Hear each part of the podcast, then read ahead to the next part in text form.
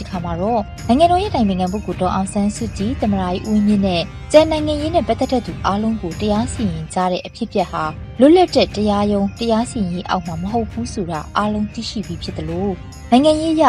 အာဏာသိမ်းစစ်တပ်ဟာဘလောက်ထိတက်တန်းခံနိုင်မလဲစန့်ကျင်သူအင်အားစုတွေရဲ့ဖိအားတိုက်ခိုက်တွန်းလှန်မှုကိုဘလောက်ခံနိုင်မလဲဆိုတဲ့အပေါ်မှာသာအပြေရှာရမယ့်အနေအထားရှိတယ်လို့ရေးသားမှုတွေနဲ့အတူ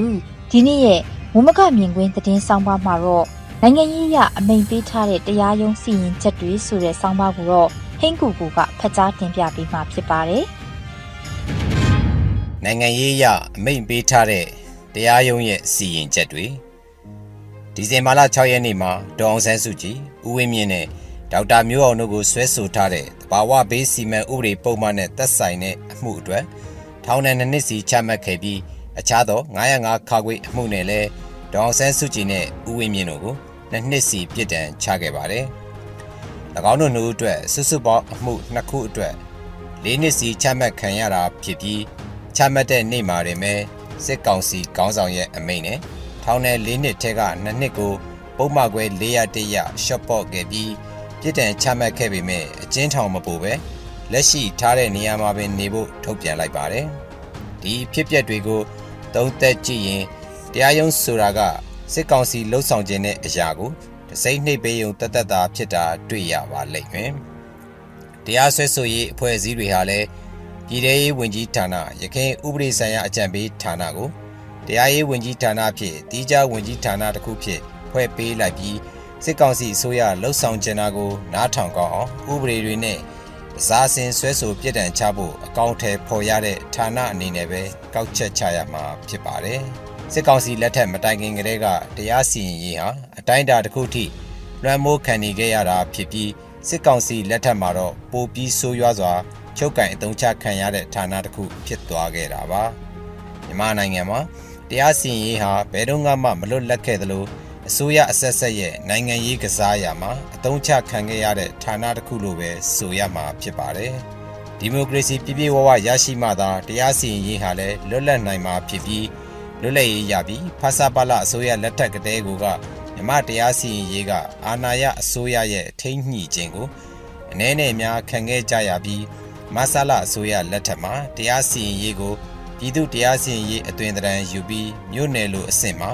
အောက်ခြေလူလူတွေကမဆလာပါတီဝင်အရန်ပါတီဝင်တွေနဲ့ပြည်သူတရားရုံးသဖွယ်လှုပ်ဆောင်ခဲ့ပါတယ်။ဖန်စီဆိုရလက်ထက်မှာလဲစစ်ဆိုရရဲ့ခိုင်းစေရာစီရင်ခဲ့ကြရပြီး 2010ခုနှစ်ရွေးကောက်ပွဲအပြီးသမရဦးသိန်းစိန်လက်ထက်နဲ့2015-2020ခုနှစ်အတွင်းမှာလဲတရားစီရင်ရေးစနစ်ကိုလွတ်လပ်တဲ့တရားစီရင်ရေးဖြစ်အောင်ပြင်ဆင်ပြောင်းလဲဖို့မလှုပ်ဆောင်နိုင်ခဲ့ကြပါဘူးဒီလိုအခြေအနေအောက်မှာဒေါအောင်ဆန်းစုကြည်အပါအဝင်ကျန်နိုင်ငံရေးနဲ့ပတ်သက်သူအားလုံးကိုတရားစီရင်ကြတဲ့ဆိုတဲ့အဖြစ်အပျက်ဟာလွတ်လပ်တဲ့တရားရုံးတရားစီရင်ရေးအောက်မှာမဟုတ်ဘူးဆိုတာတနိုင်ငံလုံးသိရှိပြီးဖြစ်ပါလိမ့်မယ် ဒါကြောင့်ဒီတရားရုံးကချမှတ်တဲ့ဆိုတဲ့ထောင်ဒဏ်က၄နှစ်ဖြစ်စေအနှစ်40ဖြစ်စေဘာမှအနှစ်သာရအဖြစ်ထူးခြားမယ်မထင်ပါဘူးနိုင်ငံရေးအရသူတို့ဘလောက်တက်တန်းခံနိုင်မလဲစန့်ကျင်သူအင်အားစုတွေရဲ့ဖိအားတိုက်ခိုက်တွန်းလှန်မှုကိုဘလောက်ခံနိုင်မလဲဆိုတဲ့အပေါ်မှာသာအဖြေရှာရမယ့်သဘောလို့ထင်ပါတယ်နိုင်ငံရေးကောင်းဆောင်တွေအနေနဲ့ရောကျန်တဲ့နိုင်ငံရေးသမားတွေအနေနဲ့ပါ တရားစီရင်ရေးကိုအတိအတတ်ခုခံကာကွယ်နေတာမျိုးဟာအကျိုးမဲ့အခြေအနေသဘောပဲဖြစ်ပါလိမ့်မယ်။နိုင်ငံရေးပြဿနာကိုအဖြေမရသည့်ဒီတရားစီရင်ရေးတွေပြစ်ဒဏ်တွေဟာနိုင်ငံရေးဖိနှိပ်မှုအတုံးချမှုတစ်ခုထက်မပိုဘူးလို့ပဲဆိုရမှာဖြစ်ပါတယ်။ဖေဖော်ဝါရီစစ်အာဏာသိမ်းပြီးကတည်းကဖမ်းဆီးမှုတွေကထောင်ကနန်းကနေတောင်ကနန်းနီးနီးရောက်ရှိတော့မှဖြစ်ပြီးအဲ့ဒီဖမ်းဆီးခံရသူတောင်ကနန်းနီးနေတဲ့အရေးအတွက်မှာ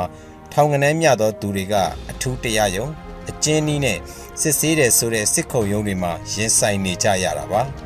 ဥပဒေအကျိုးဆောင်သူတွေစေတနာဝန်ထမ်းတွေရှေ့တွေလည်းအများအပြားနိုင်ငံရေးအမှုတွေမှာလိုက်လံအကျိုးဆောင်ပေးနေကြတာတွေရှိပါတယ်ဒီလိုအကျိုးဆောင်လို့တရားစီရင်ရေးကဥပဒေတိုင်းဖြစ်လိမ့်မယ်လို့မျှော်လင့်လို့တော့မရပါဘူး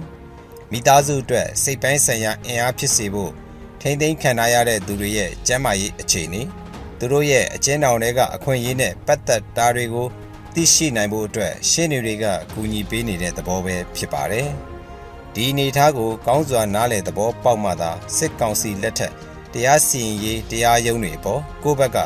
ထားရှိတဲ့သဘောထားမှန်ကန်စွာထားနိုင်မှလည်းဖြစ်ပါတယ်လို့ရေးသားထားပါတယ်ခင်ဗျာ။